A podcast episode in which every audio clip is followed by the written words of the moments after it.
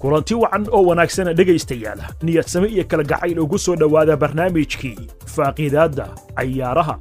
qodobada aan idinkugu hayana waxaa ka mid a ciyaar laysku ba'ay layskuna hoogay. Shan kaarka cas iyo afar iyo toban kaarka hurdiga laysku taagay oo xalay ka dhacday magaalada baariis b s g oo guuldarradii ugu xumayd soddon iyo lix sana ay soo food saartay. Jose morinio oo u qiildayey dharbaaxadii shalay ka soo gaadhay everton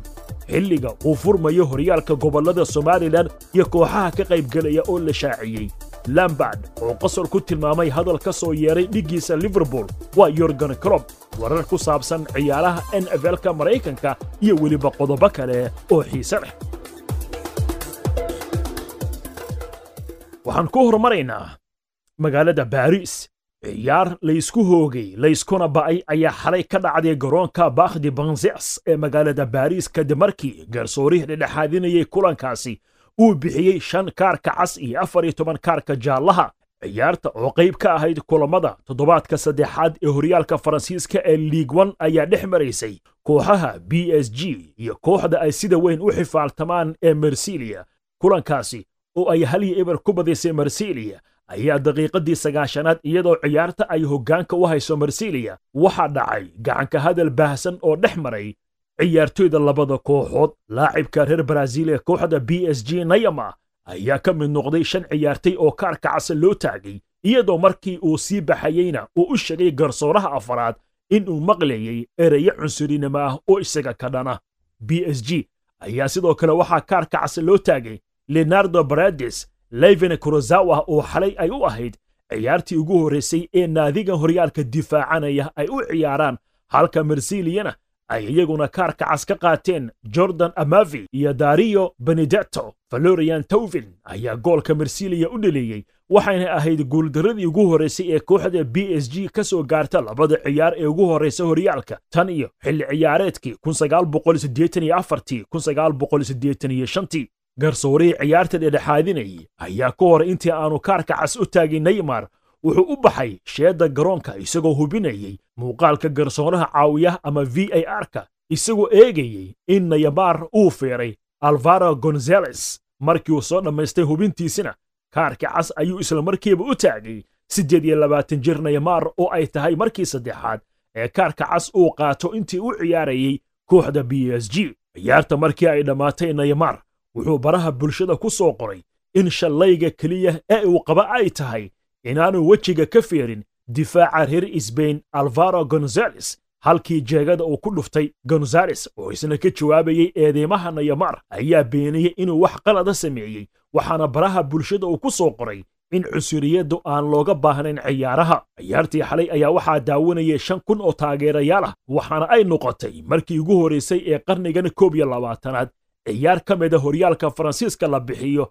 toddobiyo toban kaar. Alvaro ayaa dhacdadaasi ka hor qaybtii hore ciyaarta waxay isku dhaceen ciyaaryahan angel dimaria iyadoo alvarana uu sheegtay in dimaria uu ku candhuufay. Dimaria ayaa ka mid ah toddoba ciyaartay oo b s g ka tirsan oo laga helay fayraska korona ka hor xilli ciyaareedka walow wixii intaa ka dembeeyey baaritaan lagu sameeyey uu muujiyey inaannu cudurka qabin. Inkasta oo wararkii ciyaartani xiisaha lahayd ay u wacdeen dagaalkii iyo kaararkii faraha badnaa ee xalin la bixiyey haddana warka ugu weyn wuxuu noqon lahaa in marsilia oo uu layliyo tababarihii hore ee kooxda chelsea iyo tottenham andera villa bos guushii ugu horraysay ay ka gaareen b s g tan iyo labadii kun iyo koob iyo tobankii. Natiijadii xalay waxay kaloo ka macno ahayd in b s g oo toddobaadkii hore ay ka badisay kooxda linis oo iminka horyaalka ku soo biirtay aanay badin labada kulan ee ugu horreeyay horyaalka taasi oo aanay dhicin muddo soddon iyo lix sano ah. Waxay kaloo ahayd markii ugu horraysay ee labada kulan ee ugu horreeyay horyaalka aanay b s g wax gool ah dhalin tan iyo kun sagaal boqol toddobaatan iyo siddeeddii marka lagu soo daro ciyaartii kama dambaysta ahayd ee champions leaga ee bayer mushin ay koobka kaga qaaday b s g oo uu hogaamiye tababaraha jarmalka thomas tukel koob iyo labaatan maalmood guuldarradii saddexaad ayaa dhabarka loo saaray. Waa yahay bal markanna xaggan iyo ingiriiska aynu eegno oo horyaalka premier leaga uu bilowday sabtidii kooxda everton oo marti ugu ahayd gurigeeda kooxda tottenham ayaa waxay ugu awood sheegatay haliyi eber iyadoo arrintaasna uu ka hadlay tababaraha kooxda tottenham jose morinio wararkaas iyo wararkii kale ee ciyaarihii horyaalka premier leaga ee xaddii dhacay waxaa inoo soo koobaysa caaisha afrax tababaraha kooxda tottenham hose morino ayaa guuldaradii shalay ka soo gaartay kooxdiisa ciyaartii ay kaga horyimaadeen everton. Wuxuu dusha u saaray qiilna uga dhigay in qaar ka mid ah ciyaartooydiisa uu ku dhacay fayraska korona hosey ayaan xusin magacyada ciyaaryahanada fayraska uu ku dhacay waxaase intaasi uu sii raaciyey in ciyaaryahanadiisu aysan qabin diyaargarow fiican isagoo tusaale u soo qaatay in gooldhaliyaha kooxdiisa harri kane uu laba maalmood oo keliya kooxda la sameeyey tababar inkastoo hose morino uu qiil u dayay ciyaartooydiisa haddana wuxuu ku dhaliilay in kubadda iskudhiibdhiibkeeda uu ahaa mid caajis ah. Isagoo sidoo kale cara ka muujiyey garsoorayaasha ciyaarta gaar ahaan halka la dhigay kubaddii laadka xorta ahayd ee uu u soo laanjeeyey lucas digne taasi oo uu ku yimid goolka everton ee ku badisay morinio ayaa sheegtay in laadka xorta ah ee everton laga soo qaaday meel shan mitir ka soo horeysa halkii ay ahayd in kubaddu taallo. Isagoo dhaliilay garsoore martin atkinson oo ciyaarta dhexdhexaadinayay iyo garsoorayaasha kale goolka ay guusha ku hanatay kooxda everton ee uu leyliyo macalinka reer talyaaniga ah ee carlow ayaa waxaa madaxa ku dhaliyay ciyaaryahan dominic calvert lowin daqiiqadii konton iyo shanaad. Ciyaartii kale ee qaybta ka ahayd kulamada toddobaadka koowaad ee horyaalka ingiriiska ayaa dhex martay leicester city oo marti u ahayd kooxda west bromwich oo horyaalka ka cusub. Kulankaasi ayaa waxaa saddex iyo eber guusha la soo hoyatay leicester iyadoo goolasha laba ka mid ah uu dhaliyey jamie vardi caawana laba kulan oo premier leaga ka tirsan ayaa jira. Chelsea waxay qaabilaysaa brighton halka wolvisna ay fooddays dari doonaan sheffield united waa tahay. Bal hadda intaynu ka bixinno wararka horyaalka waddankani ingiriiska tababaraha kooxda chelsea frank lambard oo caawa kooxdiisi ciyaarta ugu horeysay horyaalka ay ku bilaabanayso laleh kooxda brighton ayaa mar uu ka jawaabayey hadalkii ka soo yeeray dhiiggiisa liverpool yorgan clob oo dhaliilay lacagaha chelsea ay ku isticmaashay suuqa kala iibsiga ee imika furan wuxuu ku tilmaamay hadalkaasi mid qosol leh. Chelsea ayaa ku qarash garaysay in ka badan laba boqol iyo konton milyan oo dollar ciyaaryahano cusub oo ay keentay garoonka stanford bridge balse colob ayaa carabka ku adkeeyey in liverpool ay ka duwan tahay kooxaha ay iska leeyihiin dalal iyo hantiilayaal shidaalka ka taajiray xilligan oo lagu jiro dhibaatada covid sagaal toban. Lambard ayaa rumaysan inay u muuqato colob inuu difaacayo lacagihii ay horay u qarash garaysa liverpool taasi oo dib ugu soo qaaday kooxda ka dhisan garoonka anvil in ay heer wanaagsan gaarto kuna guulaysato horyaalka. Tan iyo markii yorgan colob uu qabtay liverpool oktoobar labadii kun iyo shan iyo tobankii ilaa iyo intii ay ku guulaysatay horyaalka champions leaga labadii kun iyo sagaal iyo tobankii liverpool waxay lacag badan ku bixisay inay garoonka anvil keento ciyaaryahana ay ka mid yihiin saydo maane iyo maxamed saalax kuwaasi oo min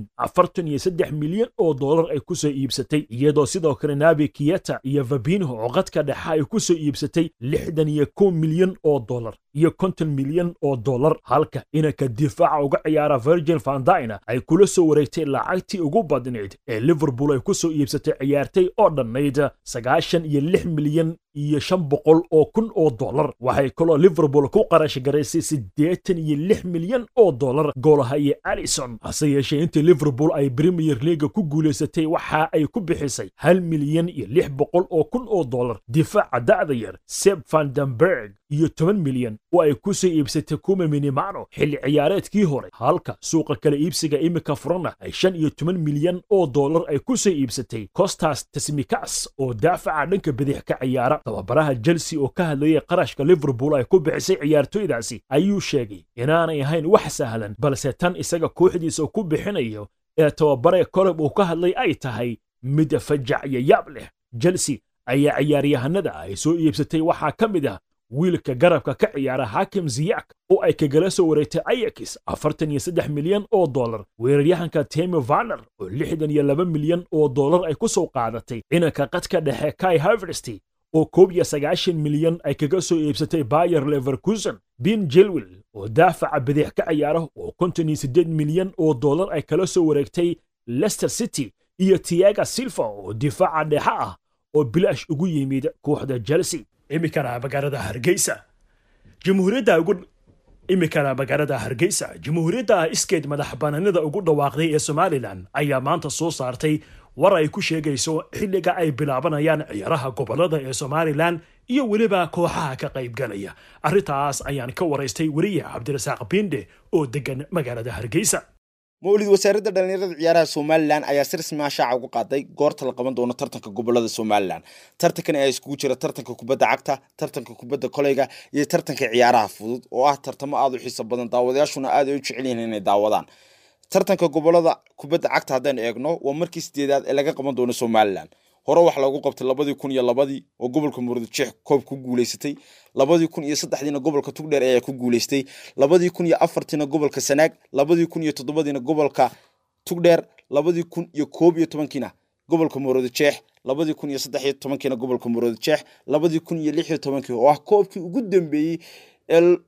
lagu soo gebagabeeyo magaalada hargeysa garoonka weyn ee magaalada hargeysa waxaa ku guuleystay gobolka awdal oo runtii ahaa tartan aada u xiiso badan iyagoo guul muhiima ka gaadhay gobolka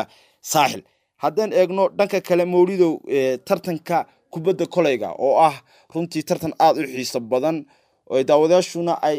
aada u sugaan marka tartamada gobollada la eego. Inta badan waxaa ku tartama sideed gobol laakiin tartankan waxaa la qabtay lix jeer. Markana wuxuu noqon doonaa markii toddobaad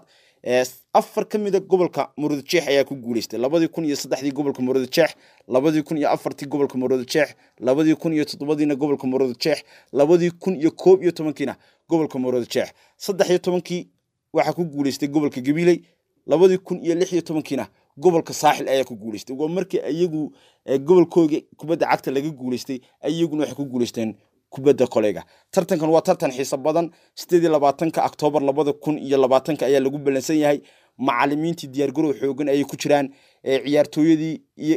qaar u ciyaaray gobollo. Markii hore ayaa iminka maaliyado kala duwan xiran doona maaliyado lagu ogaa labadii kun iyo lix iyo tobankii ayaa haatan iminka ciyaartooyada qaar ka midi maaliyado kale u xidhan doonaan gobollada marka runtii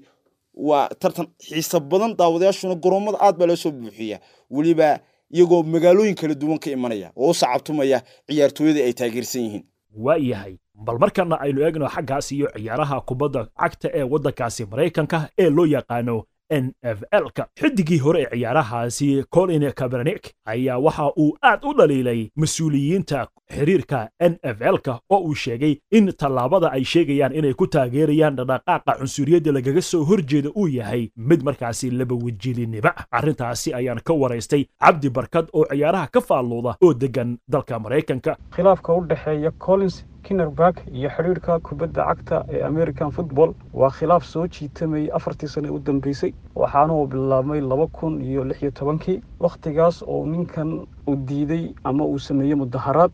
mudaharaadkaas oo ah ciyaar ay kooxdiisu ciyaaraysay oo loo yaqaan san francisco uu diiday inuu u sara kaco calanka maraykanka. Taas ayaa keentay sawaxan badan iyo dad badan oo caan ah oo xitaa ku jiro madaxweynaha maraykanka inay ninkan wadaninimadiisa ay shaki geliyaan oo xitaa ay ka mid tahay saxaafaddu. Muddadaa kadib ninkan wuxuu soo wajahay caqabado badan iyo khilaafaad badan. Waxay gaadhay xitaa xeer la siin waayo heshiis cusub. Seasonku markuu bilaamayey oktoobar laba kun iyo toddobiyo tobankii waxa waxaa loo diiday in qandaraas la siiyo ama heshiiskii kooxdiisii hore loo saxiixo. Kii horena waa laga joojiyey. Marka ilaa hadda ninkaasi iska bilaa heshiis buu yahay cidna uma ciyaaro wuu iska joogaa. Laakiin hadda ayuu soo laba kacleeyey. Laba kun iyo sideed iyo tobankii xidhiirhka kubadda cagta waxay bedeleen sharciyo badan. Waxaa sharciyada ku jiray qofkii ku mudaharaada ciyaarta dhexdeeda ee calanka maraykanka uu ixtiraami waaye in ciyaaraha laga joojiyo in ma garanaysaa uu cawaaqib la kulmo ama ciqaabaad badan oo uu ku mid yahay ganaax. Laakiinse hadda ayuu khilaafkaasi moodaa inuu soo laba kacleeyey. Markii ay xidhiirka kubadda cagtu ay ka bedeleen sharciga wax oo yidhaahdeen qofka ciyaartooyga ah wuu mudaharaadi karaa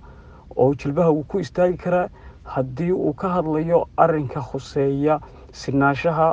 dadka madowga iyo cadaanka ah iyo ama dhibaatada uu boolisku ku hayo dadka madowga ah dareenkiisa waa uu ka falcelin karaa waana uu samayn karaa mudaharaadkaas. Marka ninkan collins ayaa arinkaa ka falceliyey hadda kana keenay bouq waxaanuu ku soo qoray boggiisa khaaska ee twitterka in ma garanaysaa arrinkaasi uu yahay brobaganda dacaayad rakhiisa ama munaafiqnimo. Waxaana taa uu ku salleeyey maadaama isagu ilaa laba kun iyo lix iyo tobankii toddobiyo tobankii uu bilaa shaqo yahay hadday run sheegayaan maxay mulkiilayaasha naadiyada american football iska leh ay aniga qandaraas ama heshiis iila soo saxiixan waayeen. Taasna waa ku saxan yahay oo xaq ayuu u leeyahay. Dhinaca kale haddii aan kaaga waramo ciyaaraha marar dhoweyd oo dhowr wiig ka hor waxaa jiray khilaaf ah in ciyaaraha aan la bilaabin iyo inay bilaabmaan. Laakiinse hadda markaan wararka eegay tifiyada aan eegay aan dib u raajiciyey ciyaarihii wiigan ayaa la bilaabay wayna dhaceen ciyaarihii ugu horreeyey waa la ciyaaray. Siisankiina si fiican ayuu bilaabmay ilaa haddana wax khilaaf iyo wax buuqoo ka taagan ma jirto si fiican ayuuna u dhammaaday.